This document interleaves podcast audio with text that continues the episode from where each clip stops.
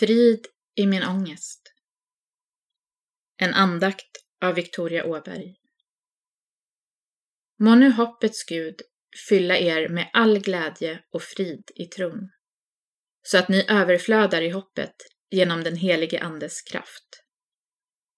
Romarbrevet 15 och 13.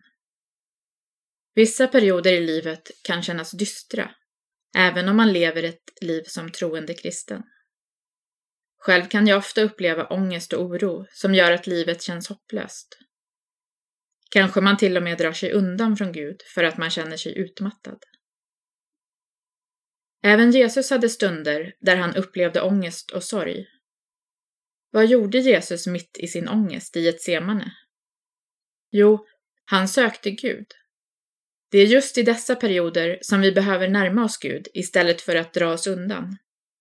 I Filipperbrevet står det Bekymra er inte för något, utan låt Gud få veta alla era önskningar genom bön och åkallan med tacksägelse.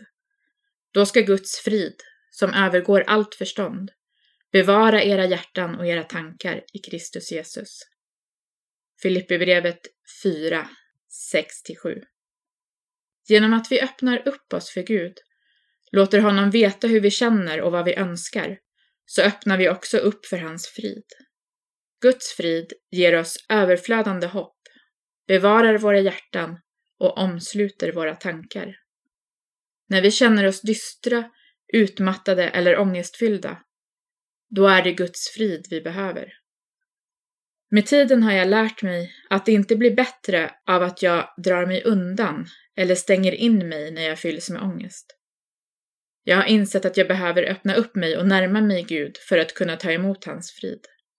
Det betyder inte att jag slutat uppleva ångest och oro, utan snarare att jag har lärt mig att förtrösta på Gud och sträcka mig efter hans omtanke och kärlek i stunder när jag upplever det.